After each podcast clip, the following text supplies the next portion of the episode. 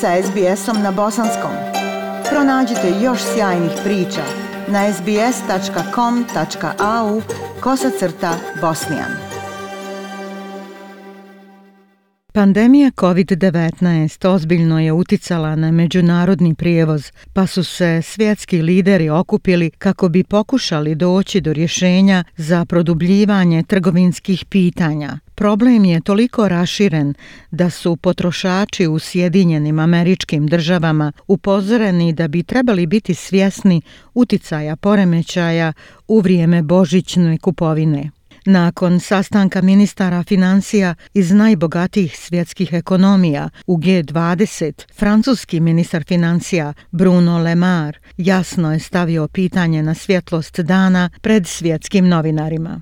Uh, there are shortages on raw materials, on chips, on the labor market, Postoje uh, nestašice sirovina, brodova, radne snage. Jasno je da postoji potreba za rješavanjem ovog pitanja ako ne želimo da ovaj zastoj ima negativan uticaj na nivo rasta u razvijenim zemljama i u zemljama u razvoju. Pandemija COVID-19 pogodila je u svim aspektima međunarodni prijevoz s početkom širenja delta varijante koja je donijela probleme i u drugu godinu. Nastavak izbijanja koronavirusa uzrokuje da radnici širom svijeta propuštaju smjene, zatvaraju se lučki terminali, a vozači ostaju kod kuće odgađajući prekogranična kretanja. I dok je poslodavcima teško popuniti radna mjesta, pritisak raste kako bi se teretni brodovi raspakirali. Igračke, knjige, bicikli, nova odjeća i ostalo samo su neke od roba široke potrošnje koje su bile predmet nestašice, naknadnih naručbi i kašnjenja. U Sjedinjenim američkim državama predsjednik Joe Biden najavio je novi sporazum da Luka Los Angeles postane operativna 24 sata dnevno, 7 dana, jer problemi u lancu snabdjevanja povećavaju cijene za američke potrošače. This is across the board commitment to going to 24/7. Ovo je sve ukupna obaveza da se ide do 24 sata dnevno. Ovo je veliki prvi korak u ubrzavanju kretanja materijala i robe kroz naš lanac snabdjevanja. Ali sada nam je potreban ostatak lanca privatnog sektora da također pojača pritisak. Ovo se ne zove uzalud lancem snabdjevanja.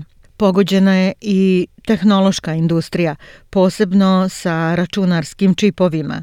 To utiče na veliku većinu potrošača s proizvodnjom Appleovog novog iPhone 13 koji će biti smanjen za 10 miliona jedinica. Milioni proizvoda kao što su automobili, pametni telefoni, mašine za pranje rublja i drugi oslanjaju se na poluprovodnike za svoje elektronske mikročipove, ali nema ih dovoljno da zadovolje zahtjeve potrošača.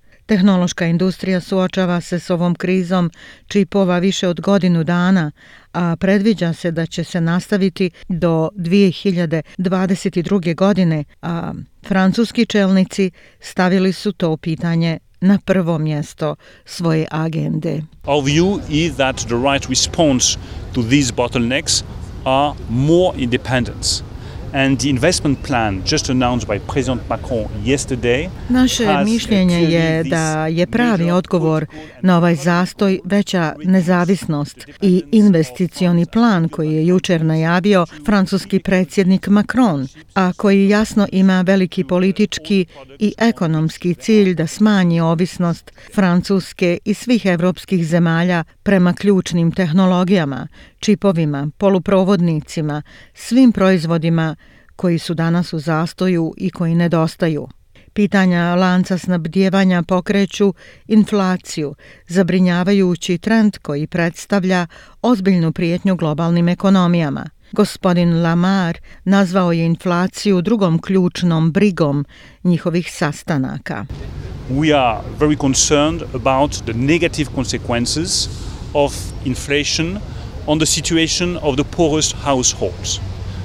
Vrlo smo zabrinuti zbog negativnih posljedica inflacije na položaj najsiromašnijih domaćinstava i mislim da će pitanje cijena energije biti u središtu rasprava koje ćemo voditi u okviru MMF-a unutar G7, unutar G20 i među evropskim zemljama. Sve strane složile su se da su potrebni zajednički napori u borbi protiv pandemije. Ministri su se obavezali da će implementirati odluke koje je grupa donijela radi suočavanja s pandemijom i poticanja globalne trgovine i ulaganja.